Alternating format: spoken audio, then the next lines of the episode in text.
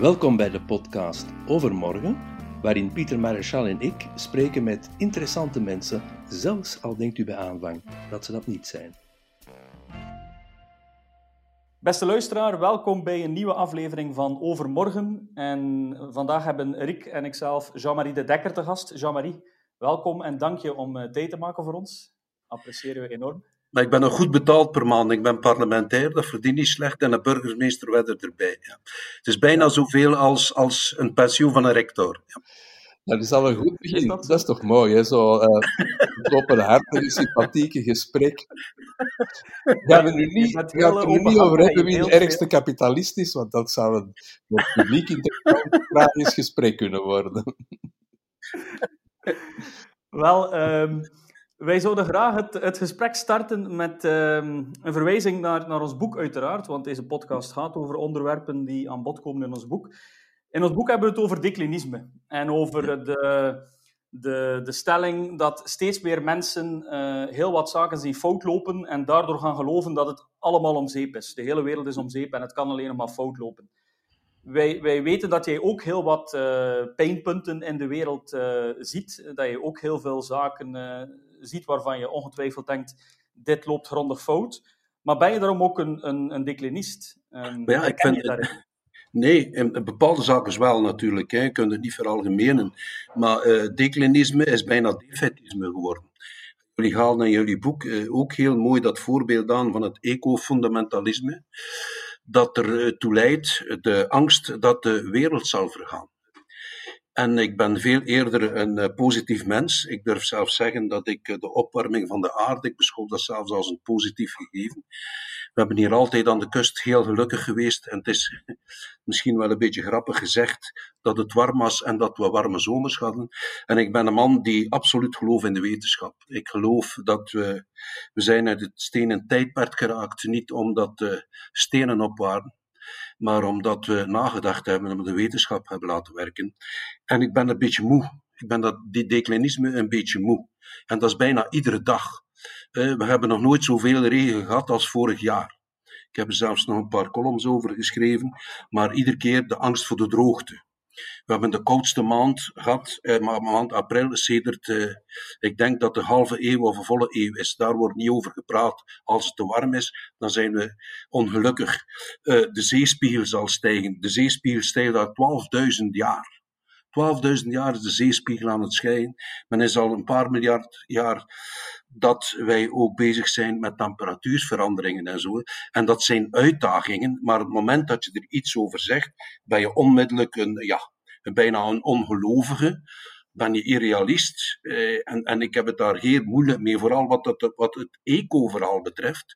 Uh, je kunt het uitspreiden tot ik ben een aanhanger van de kernenergie. Niet omdat ik nu zo uh, absoluut die kernenergie ga verdedigen, het heeft ook zijn nadelen. Maar men mag er niet over spreken, of men is een klimaatontkenner. Niet alleen een ontkenner, men is onmiddellijk een negationist. Ja, en, en al die zaken, daar heb ik het allemaal redelijk moeilijk mee. Terwijl dat ik erin geloof, ik, ik woon aan de kust. He, wij gaan hier een prachtig casino zetten. We hebben de proeven gedaan voor de zeedijk tegen de duizendjarige storm. Wij gaan de, de zeedijk vernaturen, wat men nergens doet bijvoorbeeld. Ik vind dat Hans dat verhaal is in feite een positief verhaal. Men praat over de neerslag, over de reden. Misschien hop ik een beetje van het een op het ander. Uh, de werkelijke reden mag je niet zeggen. De werkelijke reden, ik woon hier ook midden in de velden, is dat de boeren ja, te veel landen opgehoogd hebben, te veel gedraineerd hebben. 70% van ons water wordt afgevoerd onmiddellijk naar de kanalen, omdat de boeren twee, drie maanden eerder kunnen beginnen te oogsten dan. Al dergelijke zaken. Nee, de, het pestgedrag dat er uit dat declinisme volgt. Uh, hoe defetistisch dat men ons zelf maakt, hoe negatief dat men ons maakt. We moeten oppassen voor ons tuintje, de auto mag er niet meer op staan, het moet verhard worden. Terwijl men, men is bezig met beuzelarijen, terwijl men de grote, de grote uh, oplossingen en ook de groot, het groot kader aan het vergeten is. En, en alles is pestgedrag geworden. Ook wat dat de virologie betreft bijvoorbeeld.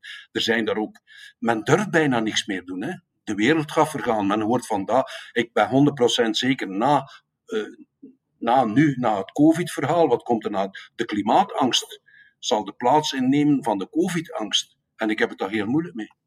Nu, je bent duidelijk geen declinist uh, en uh, ik vind het enthousiasme spat er vanaf als je spreekt, mede te verklaren door uw jeugd misschien partieel. Maar uh, wat toch ook eigenaardig is, je zegt ik geloof in de wetenschap, wij doen dat ook. Hè? Dus wij proberen ook duidelijk te zeggen, kijk, problemen die nu niet oplosbaar lijken, gaan toch nog opgelost worden, wat niet betekent dat we niet moeten opletten. maar is er ook geen gevaar dat de wetenschap te makkelijk wordt gebruikt om sommige discussies te beëindigen. Bijvoorbeeld, uh, je bent heel erg tussengekomen in uh, de discussie met de virologen. Uh, daar wordt vaak gezegd, ja, een viroloog spreekt, dat is dan de wetenschap voor een stuk.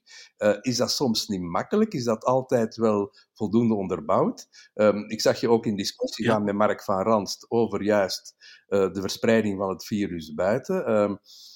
Soms heb ik de indruk dat, hoe belangrijk de wetenschap ook is, ze soms ook voor uh, een wagen wordt gespannen eigenlijk. Hè? Dus, uh, uh, men, men vergeet iets, Rick, dat de wetenschap zichzelf in vraag stelt. Het is ook, het is een, de essentie van de wetenschap is ook zich constant zelf in vraag stellen. En dat mis ik in het debat over de virologie. En toen ik met, met Van Ranst, wat het ergste is met Van Ranst, ik had dat debat op de zaak, het is ondertussen een beetje berucht geworden. Uh, ik kom buiten met Van Ranst, Van Ranst zegt tegen mij dat ik gelijk heb. En, en, en dat is een stuk pijnlijk. Als ik ga, uh, waarover gaat het? Uh, ik heb nog geen enkel debat gezien, tot nu toe, en we zijn een jaar ver, over Waar is het virus het sterkst? Waar is het onderzoek of zo? ik ben ook gewoon op onderzoek uitgegaan. Ik heb gekeken naar het Robert Koch Instituut. Ik heb gekeken naar, naar de Universiteit van Canterbury. Je gaat die studies gaan bekijken. Er is er ook van Hongkong. Ik heb er heel wat werk over gedaan. Onder andere ook wat parlementaire vragen gesteld. Maar dat bereik je niet meer. En het is de wetenschap die zichzelf boven haar eigen wetenschap stelt. er mag geen kritiek zijn op Van. Er mag geen kritiek zijn op Van der Gucht. En zij plaatsen zich in de plaats, je hebt de bureaucratie, ze plaatsen in de plaats van de politici. En je moet toch, als, als ik klaar en duidelijk stel, uh, Canterbury bijvoorbeeld, die studie zegt op 262.000 gevallen. 232.000 gevallen zijn er 262 die gebeurd zijn in open lucht. Je moet dat debat kunnen voeren op tv. Je moet dat debat kunnen zeggen tegen een viroloog. En, en, en de wetenschap denkt dat ze de wijsheid, of die wetenschappers, ik hoor ze niet allemaal over dezelfde boeg, denken momenteel dat ze de wijsheid in pacht hebben. We hebben de bevolking angstig gemaakt. Media hebben daarin meegespeeld. Maar zelfs bij de media krijg je ook geen kritische stem. Ik, ik, heb, ik heb ooit het klimaatdebat, ik ben ooit het klimaatdebat, ik ben onmiddellijk een negationist. Ik ben een negationist. Ik ontken het klimaat niet, totaal niet. Maar ik zeg dat er oplossingen zijn, of het nu op, opwarmt of afkoelt. En dat is hetzelfde wat die virologie nu betreft. Je moet toch verdorie een, een kritische stem hebben. Je moet dan toch verdorie durven zeggen, als er maar één of maximum vijf besmettingen op duizend in open lucht zijn, dan moet je toch durven zeggen, jongens, we gaan met z'n allen naar buiten. En, en Zelfs dit kun je niet meer zeggen. Maar vind je dat het debat, uh, vind je dat het debat niet uh, breed genoeg gaat in onze samenleving? En dan heb ik het vooral over de media. Vind je dat dat te beperkt is op dit moment? Absoluut. Absoluut, Rick. En je ziet dit toch ook. En, en of nu de, on, onze ja, infotainment-programma uh, is, het zijn ook altijd dezelfde mensen die passeren. Mm -hmm. En het is ook moeilijk het debat te voeren. Ik kan het debat politiek voeren. En Van Ramst heeft de fout gemaakt om over politiek te praten tegen mij. Want ik moet eerlijk toegeven, toen ik naar dat debat ging met Van Rams, ik zat met een ei op. Had hij gewoon moeten spelen op, wij gaan hier een virologisch debat doen of een wetenschappelijk debat, dan verloor ik het al op voorhand. Dan was ik al de brulboei van Oostende of de brulboei van Middelkerken. Ja, maar even op een politiek vlak gegooid. Maar ik was wel voorbereid. Ik was wel voorbereid. Heb je al gehoord over debat? Met z'n allen naar buiten. Mogen we buiten sporten? Heb je al ooit gehoord over debat? Er zijn negen kinderen, negen mensen overleden. Min 25 jaar. Negen op 23.000. Heeft men nooit gehoord in de scholen, jongens. Kinderen. Kinderen mogen elkaar besmetten, maar het is niet gevaarlijk. Je kunt hoogstens een beetje ziek zijn. Heb je ooit, ooit gebad gehoord dat we het zullen omdraaien? We zullen de ouderen opgokken en we zullen de kinderen laten leven. Je, wordt ook onmiddellijk in het, in het declinisme, in het declinisme of in ja, dan ben je bijna fascistisch, hè?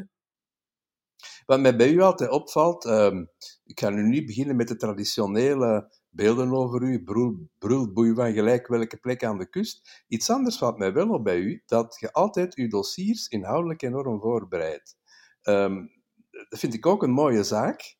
Maar ik heb soms het gevoel dat dat ehm, vandaag niet per se moet. Dat het gesprek soms iets te oppervlakkig wordt gevoerd en dat uh, een diepere dossierkennis soms uh, uh, ontbreekt. Ik hoop dat je geen dossiers gaat afleiden, want, aflezen, want ik zie je bril opzetten.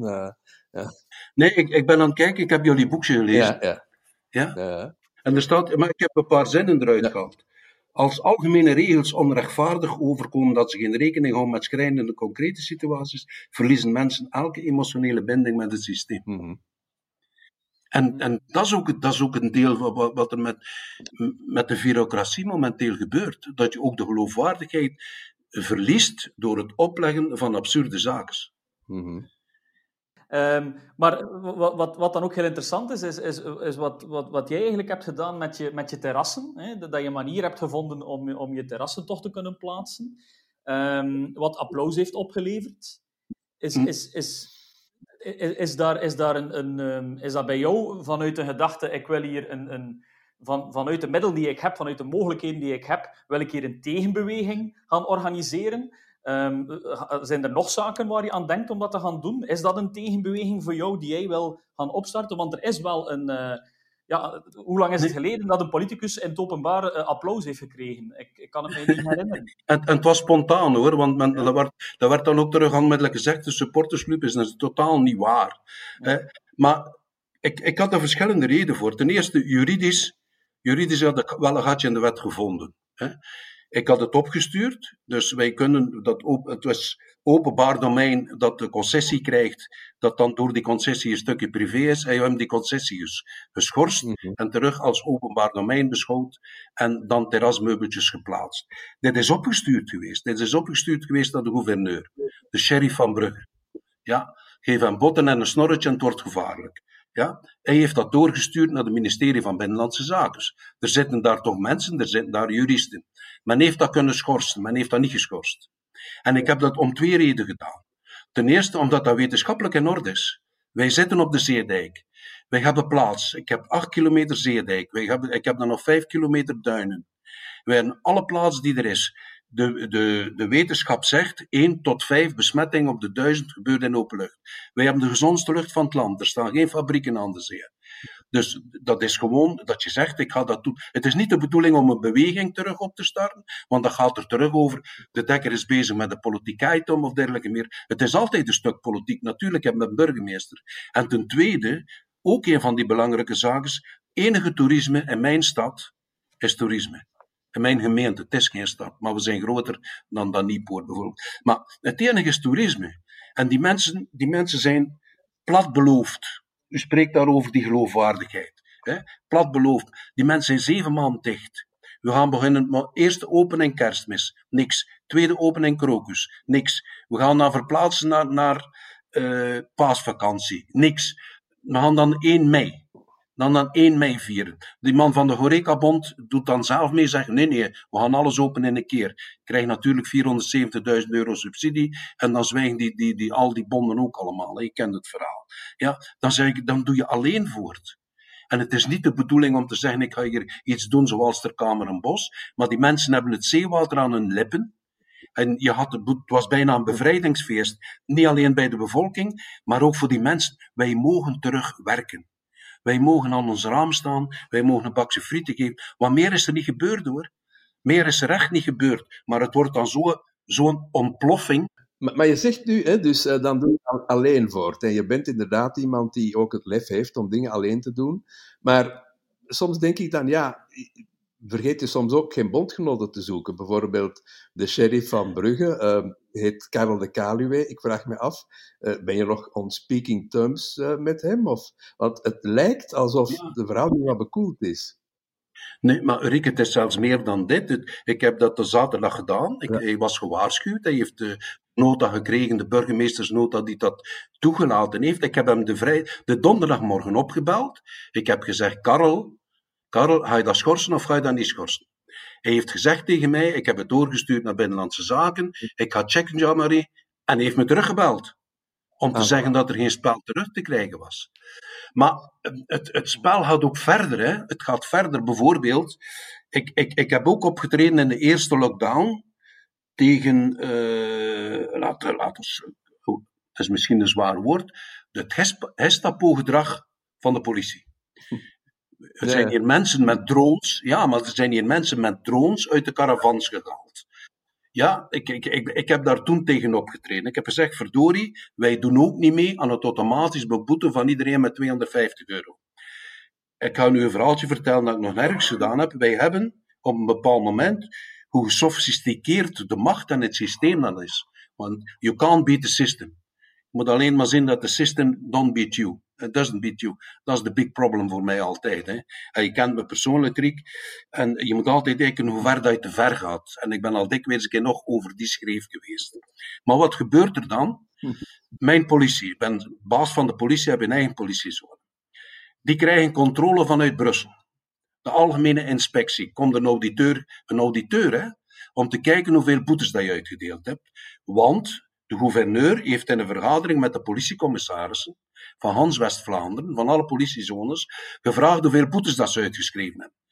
En er was een opbod en hij heeft zitten applaudisseren zelfs en hij heeft zelfs geopperd om een wisselbeker uit te keren. Dat is echt gebeurd. Ja? Ik stel dat aan de kaak. Je krijgt dan die weervraag. Mijn politie krijgt een algemene inspectie, waarin ik, heb, ik krijg het inspectierapport, officieel en officieus. Dan is zelfs dat officieel rapport nog vervalst ten opzichte van het officieuze. Van die auditeur die dat gedaan heeft, doorgestuurd naar de inspecteur-generaal. Die heeft daar zaken weggelaten en aan toegevoegd en dan naar de gouverneur opgestuurd. En, en, en, en dat rebelleert mij altijd op dit vlak. Want tenslotte doe ik het, en het klinkt misschien allemaal zo hoofs. Verdomme, we hebben hier het zeewater aan onze lippen. En, en de bevolking is aan het ontploffen. En mijn buikgevoel zegt dit. En als ik op de zeedijk wandelde, dan was, was dat een bevrijdingsfeest voor de mensen. En het was drie keer niks. Er was iemand die gezegd had, mijn debat met Van Ranst, dat ging niet over de inhoud. Dat ging over het feit, de dekker heeft Van Ranst hier op zijn nummer gezet. Over meer gaat dat dan niet, hè?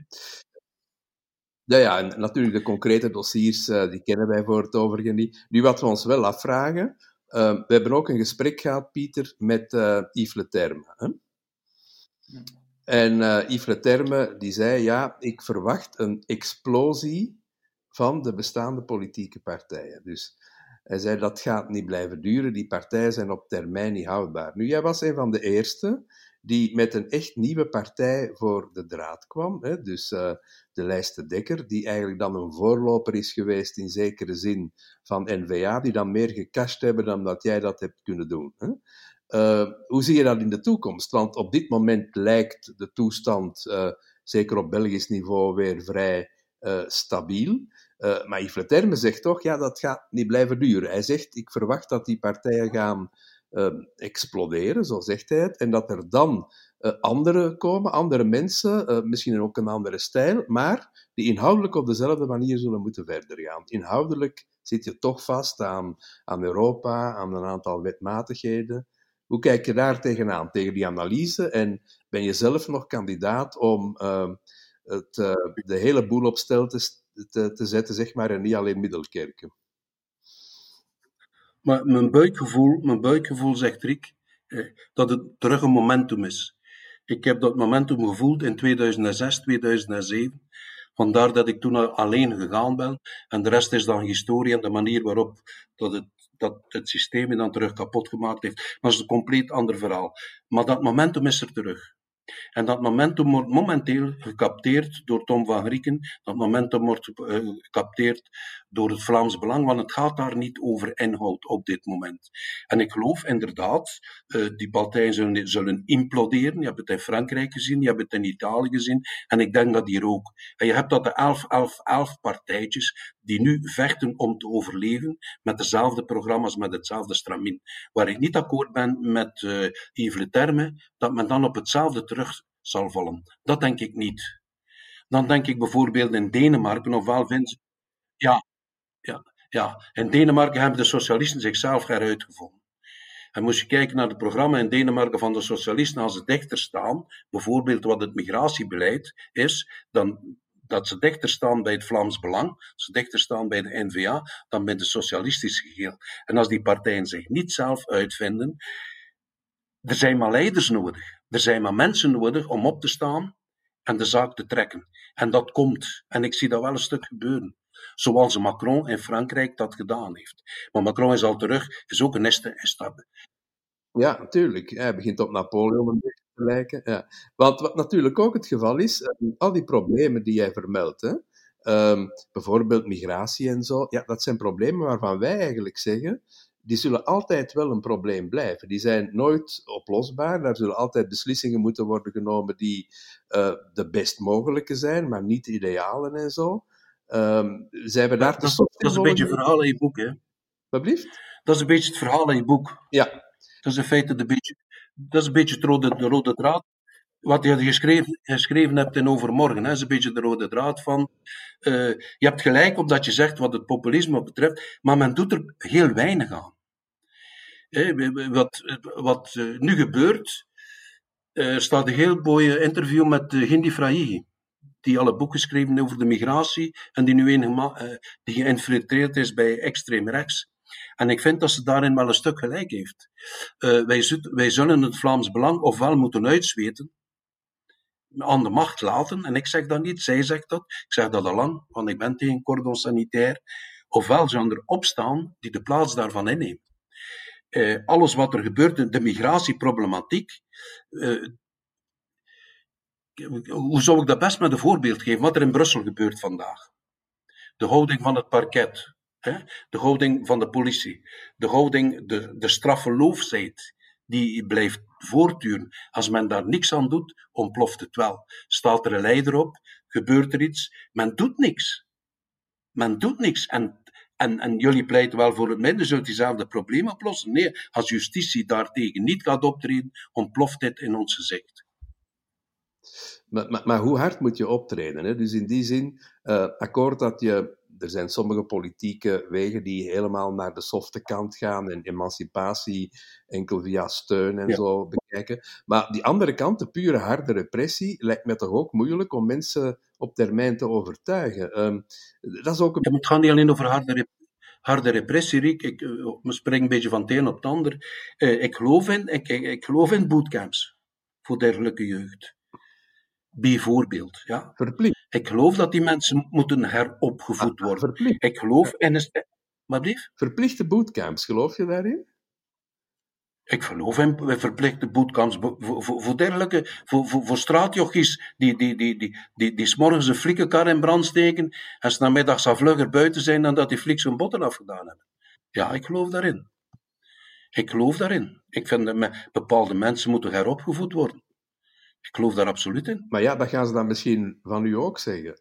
Van wat? Tja, wat zullen ze van mij zeggen? Ja, ze zeggen, ja, maar dat is ook een brulboei en zo verder. Moeten we toch niet een veelheid aan meningen toch kunnen verdragen? En inderdaad, sommige gedragingen wel bestraffen, maar op zo'n manier dat het toch uh, kadert in een breed.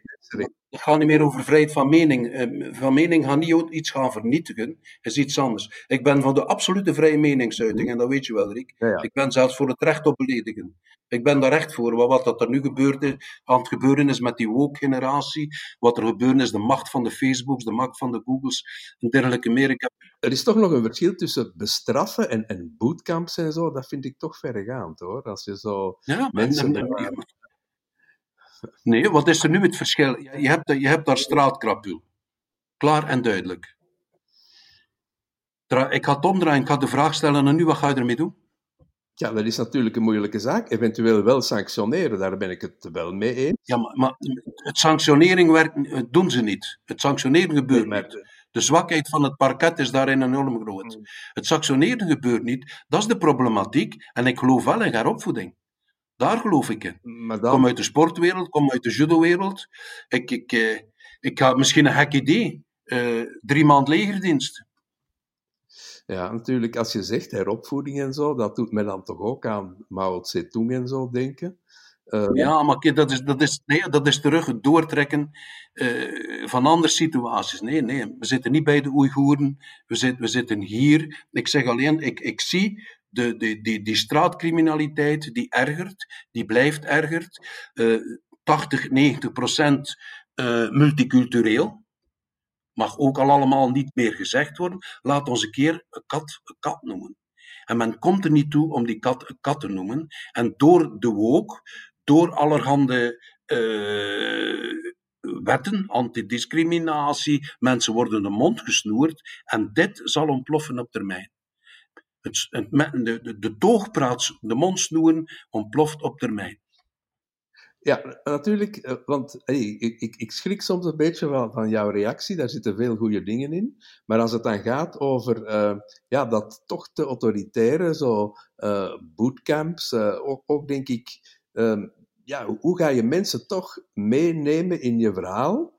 Uh, met inderdaad ook het straffen van de excessen, maar zonder dat je ze helemaal van je vervreemdt. Dat vind ik wel een belangrijke vraag. Maar als je over, boot, als je over boot, praat, Rick, zitten we in de, we zitten in de criminaliteit. Kijk, als je, wat gaan we doen met de criminaliteit? We zitten met een, een hele grote raad uh, van straffeloosheid, die de mensen ergert. En die ervoor zorgt en die ervoor zorgt dat rechts groeit als kool. Zelfs tot extreem rechts. Dus daar moet je dan gaan ingrijpen. En waarom is dit? Dus aan de basis, en als we die straffeloosheid niet stoppen of gaan aanpakken, of altijd maar met loze woorden. Mhm. hè, want de gewone man die met zijn auto naar Brussel rijdt, rijdt aan 55 door de tunnel betaalde boete. Ja? En als je ernaast staat, mag je nog, mag je nog een, een agenda in elkaar kloppen. En dat klinkt misschien wel allemaal een beetje populistisch, maar het is realiteit. Het is realiteit. En dat is ook de perceptie die heerst bij de gewone man. Mhm. En dat is daar dat het term En die zaak gaat ontploffen. Die zaak is ook aan het ontploffen in Frankrijk.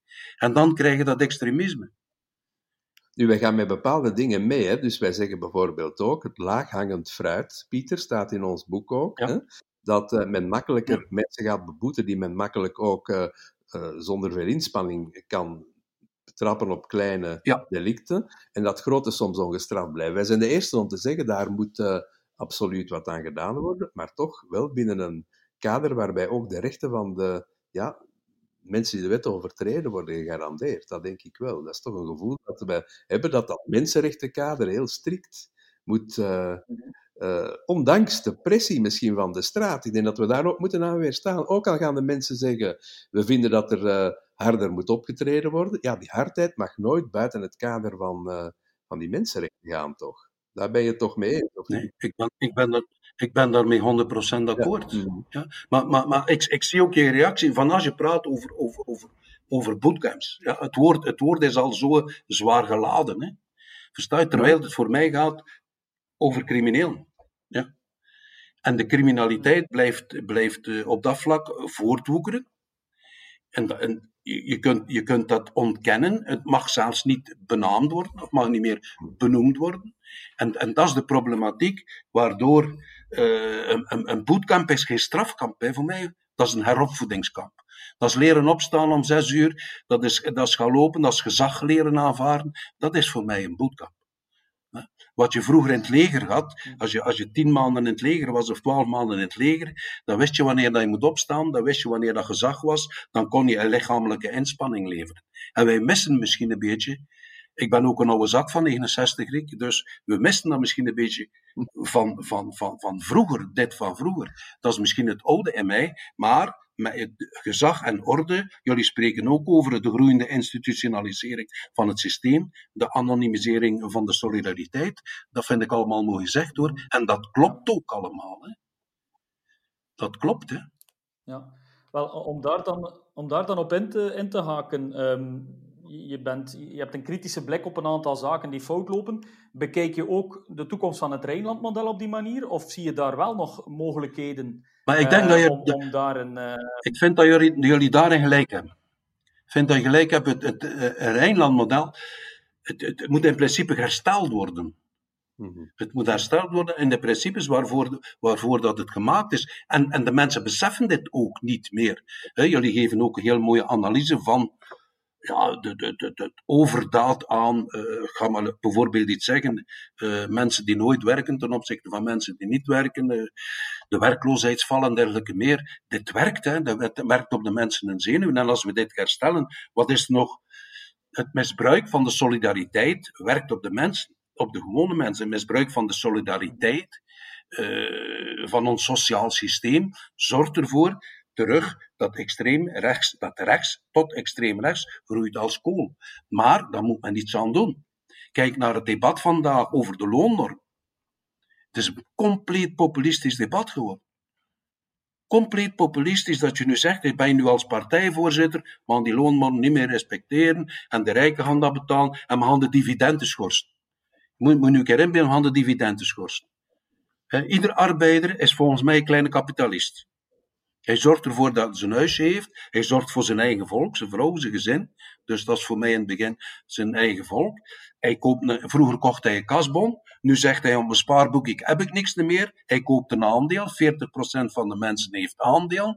Dan komt er een of ander, ja, kom maar zeggen, maar gaan geen dividend meer geven. Op basis van niets. Ik moet nu een keer inbeelden, dat zijn partijvoorzitters die dat zeggen. Die praten over de loonnorm. Onze loonkosten is nog 11% meer vandaag is 11% meer dan van onze drie omringende buurlanden. 3%, 11% meer.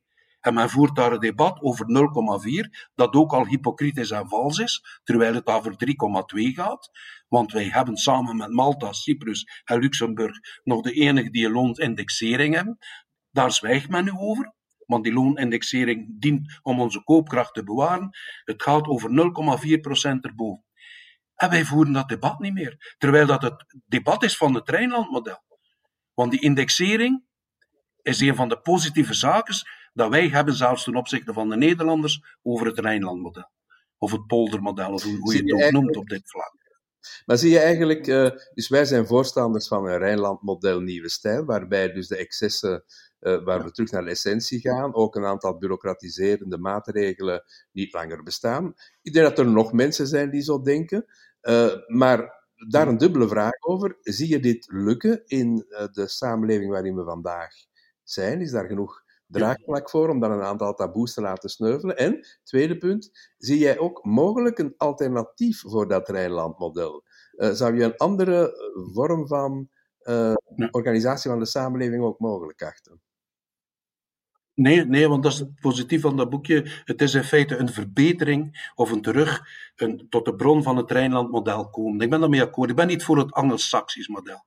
Nee, er moeten verbeteringen zijn. Er moeten verbeteringen zijn aan de top, maar er moeten ook verbeteringen zijn aan de basis. Maar we moeten, we moeten het herdenken. En we moeten het durven herdenken. In een land met 53 procent uh, overheidsbeslag. Je hebt zelf het getal hier 1.372.000 inactieven. Wij moeten het durven doen, wij moeten het durven zeggen. En dit gebeurt allemaal niet. We moeten een keer, oké, ik ben akkoord met de sterkste schouders, moeten de grootste lasten dragen. Hè? Maar ten eerste doen de heel sterkste doen dit al niet meer. En zijn ook bijna untouchable. Er onderstaan, onderstaan nieuwe. Maar Hans, de middenkader middenkader wordt nu als een citroen uitgeperst. En dat blijft niet duren. Dat blijft niet duren.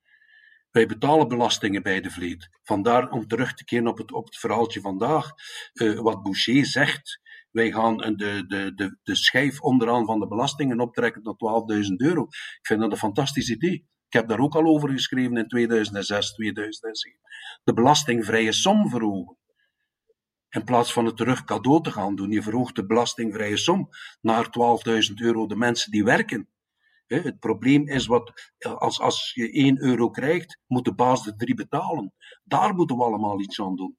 En dat durven we bijna ook nog niet. Hè. Het, we, we, we, we zitten verstart tussen vakbonden, tussen, tussen niet alleen de vakbonden, ook uh, wat de, de, de, organisaties van de werkgevers betreft, dat zijn ook vakbonden hoor.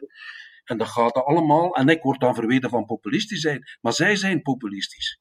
Wat die Rousseau gezegd heeft, is, is, is compleet belachelijk. Maar, maar, is compleet belachelijk. Maar hoe zie je dat dan concreet lopen? Maar aan de ene kant zeg je dus, hè, dus dat je niet voor dat Anglo-Saxische model opteert, en dat is ook onze keuze. Hè. Aan de andere kant uh, zeg je dat het Rijnlandmodel inderdaad wel terug naar zijn essentie mag worden gebracht. Uh, dat vinden wij eigenlijk ook. Maar hoe zie je dat gebeuren? Dus concreet, wat moeten we doen om daar te geraken? Uh, er zijn toch ergens gesprekken voor nodig, of zie je dat uh, wat brusker verlopen? Nee, maar ik, ik denk...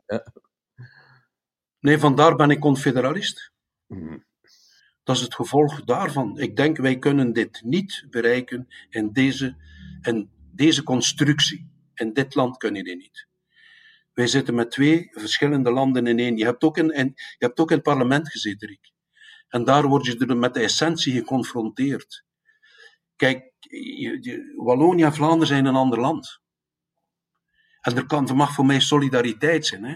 Die solidariteit is nu tussen de 7 en de 11 miljard per jaar. En lees het boekje van Hannes, het is nooit omgekeerd geweest. Maar laat, laat die solidariteit voor mij, mag je nog bestaan. Wij kunnen solidariteit, solidair zijn op 15 jaar, op 20 jaar, maar wij komen niet, wij komen niet uit dat keurslijf als we niet zelfstandig als Vlaanderen kunnen beslissen of Wallonië kunnen beslissen. Dat is een compleet aparte mentaliteit. Maar je zou ook kunnen zeggen, we zitten sowieso altijd onder de paraplu van Europa. Ook uh, Wallonië kan zich, stel dat het onafhankelijk zou worden, zich geen uh, ongebreidelde strapatsen voorstellen. En ja, de tegenstellingen, ik geef toe, in België zijn die vrij groot. Vlaanderen, Wallonië, de taal de, en zo verder, ook de mentaliteit, de cultuur is erg verschillend geworden. Maar ook in andere landen, in Nederland, kan je ook een, een kloof zien tussen de Randstad en de rest van het land. Uh, bij de nieuw verkozen Nederlandse parlementairen is er een overweldigende meerderheid van Randstadbewoners bijvoorbeeld. Ja, daar moet men ook samen verder. Uh, zijn er dan geen wegen te vinden? Ja, maar dat... Ja. Nee, ga maar, zeg maar. Ja, ja maar dat, dat, dat, dat is het probleem niet. Dat, dat is het probleem niet. Uh, Riek, het gaat niet over, over, over stad en land, het gaat niet over Limburg of West-Vlaanderen. Maar je ziet, de Hanse mentaliteit is, is iets totaal anders. De staatsstructuur is iets totaal anders. Wij, hoe, hoe, hoeveel moeten wij inbinden? Hè? Een, van, een van die voorbeelden die me kwaad gemaakt heeft op, op economisch vlak. Juist, men heeft het parlement. We, we hebben een dode periode gehad, de dode bij de regeringsvorming. En de mhm. parlementairen mochten wetten indienen. De eerste wet die ingediend werd, was om een half miljard, hoort me goed, euro te geven aan de gepensioneerde mijnwerkers.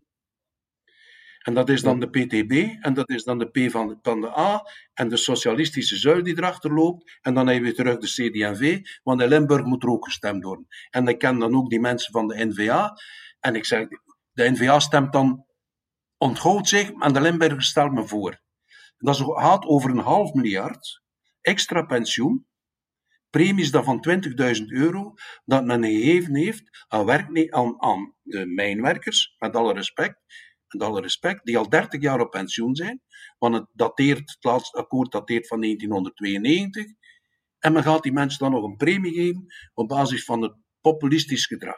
En dat gebeurt, dit komt niet, dergelijke zaken gebeuren niet als je Vlaanderen alleen hebt dergelijke zaken gebeuren. Vlaanderen, Wallonië, want het socialisme, de PS, uh, de PTB die 17, 18 procent haalt. En dan is er een opstoot die onze situatie nog verergert. En niks meer te zien heeft maar rationaliteit. Maar een half miljard is een half miljard. Maar het ging wel over Limburg, dus daar waren Vlamingen ook bij betrokken. Dus het is misschien een algemeen gebrek aan morele moed. Ja. Da daar zit het hem. En daar moeten wij, daar, daar moeten wij van afstappen. Maar Limburg alleen ging dan niet halen. Uh, de P van de A, die dit voorstelde, samen met de PDB, PTB, samen met de PS. En de boel was verdronken, het kalf was verdronken. En, en dan moet de rest meespringen. Want dan hebben ze angst voor de stemmetjes in Limburg. En zo, zo regeren je land. En ofwel krijgen wij uh, mensen met ballen, uh, politici met ballen, die, die zeggen wij gaan dit doen, in plaats van constant. Want het populisme zit daar. Hè. Het populisme zit bij die mensen. Het populisme zit bij die mensen die macht hebben. Niet bij de mensen die staan te roepen langs de kant. Die hebben toch geen macht. Ik heb geen macht. Maar ik word verweten van populistisch zijn. Mm. Rick, je bent sprakeloos. Ik, ben, ik zie je nooit zo. Uh, nee, ik, uh, wel, ik, ik, uh, als je dan toch mijn mening vraagt, zou ik zeggen dat iedereen wat populistisch is. Uh, dus ja? bij u kan er ook niet een volle worden ontkend. Uh, uh, laten we eerlijk zijn.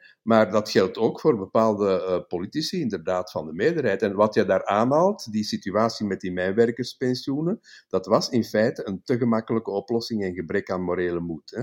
Dat stel je terecht aan de kaak. Maar ik vind het ook een beetje populistisch als je denkt dat je met puur strenge straffen alleen en met bootcamps de situatie gaat oplossen uh, in Brussel van niet goed geïntegreerde jeugd. Dat lijkt mij ook net iets te simpel. En wij proberen juist te zeggen, kijk, probeer met de nodige morele moed, maar ook met uh, de nodige aandacht voor ieders ideeën en belangen, toch te zoeken naar iets waar zoveel mogelijk mensen elkaar kunnen vinden. Maar ik ben. Maar wat ik van de. Ja? Het, het typisch het verhaal is natuurlijk dat die bootcamps eruit gelegd wordt. Terwijl dat, dat voor mij een voorbeeld was ja, maar, van... Maar is een, een, on, ik, ik daardoor... Nee, nee, dat is niet, ik vind dat geen slecht voorbeeld. het, is, het is een onderdeel... Maar, maar daar... Het is een onderdeel van het geheel. Het is een onderdeel van het geheel dat je daar moet doen, terwijl de, de straffeloosheid heerst nu voort. En je moet, je moet er iets aan doen. En men laat het etteren en men vraagt aan mij een maatregel bijvoorbeeld, u vraagt een voorbeeld van een maatregel en ik geef dat als voorbeeld van een maatregel. Maar waarom vind ik die populistisch? Want uh, met alle sympathie voor u, dat weet je. Waarom vind je dat een populistische zaak? Omdat je één weet dat je daardoor bij allerlei mensen succes gaat hebben die zeggen, die heeft het tenminste niet straf gezegd.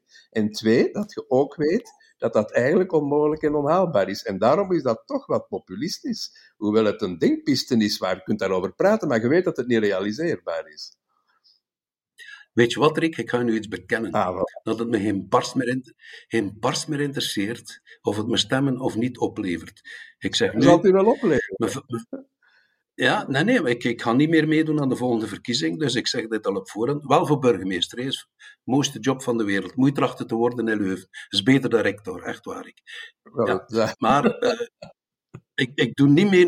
Nee, ik, ik heb de luxe, en ik moet ook eerlijk zijn, ik heb de luxe van mijn gedachten kunnen zeggen. Ten eerste ben ik financieel onafhankelijk. Ik heb mijn stemmen en mijn zetel zelf verdiend. Ik hoef niet te bellen aan de partijvoorzitter, mag ik dat zeggen. Ik heb dat keurslijf meegemaakt allemaal bij de Open VLD.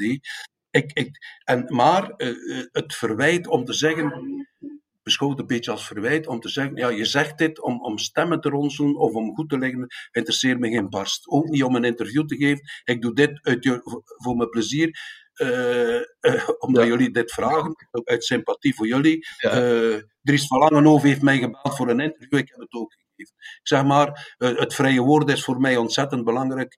het kleinste schoolkind dat hier komt en een opdracht krijgt om een BV te interviewen, is bij mij ook gekomen. Ja. Maar dat ziet u, hè? dus u hebt, u hebt zeker talloze goede eigenschappen, zoals ook andere mensen. Maar de verleiding van het populisme slaat soms toe en dat weet je zelf ook. Dat weet je zelf ook wel. Ja, ja. ja. ja maar en ijdelheid is mij ook niet vreemd, hè? Nee, Toen ik op de zeedijk liep, op de zeedijk, je wordt geïnterviewd en de mensen gaan spontaan applaudisseren, Rick. Ik moet je zeggen, ja, het is bijna een orgasme. Hè? Ja, op mijn leeftijd betekent dat wel iets. Hè? dat, dat orgasme. dat zal niet meer elke dag zijn. Hè? Moet ik iemand zoeken om dat tegen te spreken? Wel, uh, met een hoogtepunt eindigen is altijd een goed idee. Dus uh, nu dit onderwerp uh, aan denk ik dat het goed is uh, om, om het af te ronden. Ja. We willen je heel hartelijk bedanken voor dit boeiende gesprek, Jean-Marie. Mag ik ook zeggen dat het... ik heb het in twee stukken uitgelezen. Het is echt... het is badinerend geschreven. Veel ja, het is badinerend is mooi, maar het vat, het vat ook veel uh, samen. Ook veel open deuren intrappen. Sorry dat ik het dit maar uh, het is badinerend, uh, is mooi gedaan. Ja. Merci. Nee, deze. Altijd fijn om met de huidige en toekomstige burgemeester van Middelkerken te spreken. Maar ik nodig jullie ook uit op het terrasje, beste vriend. Daar gaan we zeker gebruik van maken. Ja, absoluut. Wij komen Altijd heel graag langs. Dat is zeker. Deze podcast is gebaseerd op het boek Overmorgen van Pieter Maréchal en mezelf. Het boek is nog beter dan de podcast en u kan het kopen bij elke boekhandel en ook op de website van uitgeverij Vrijdag is het te vinden.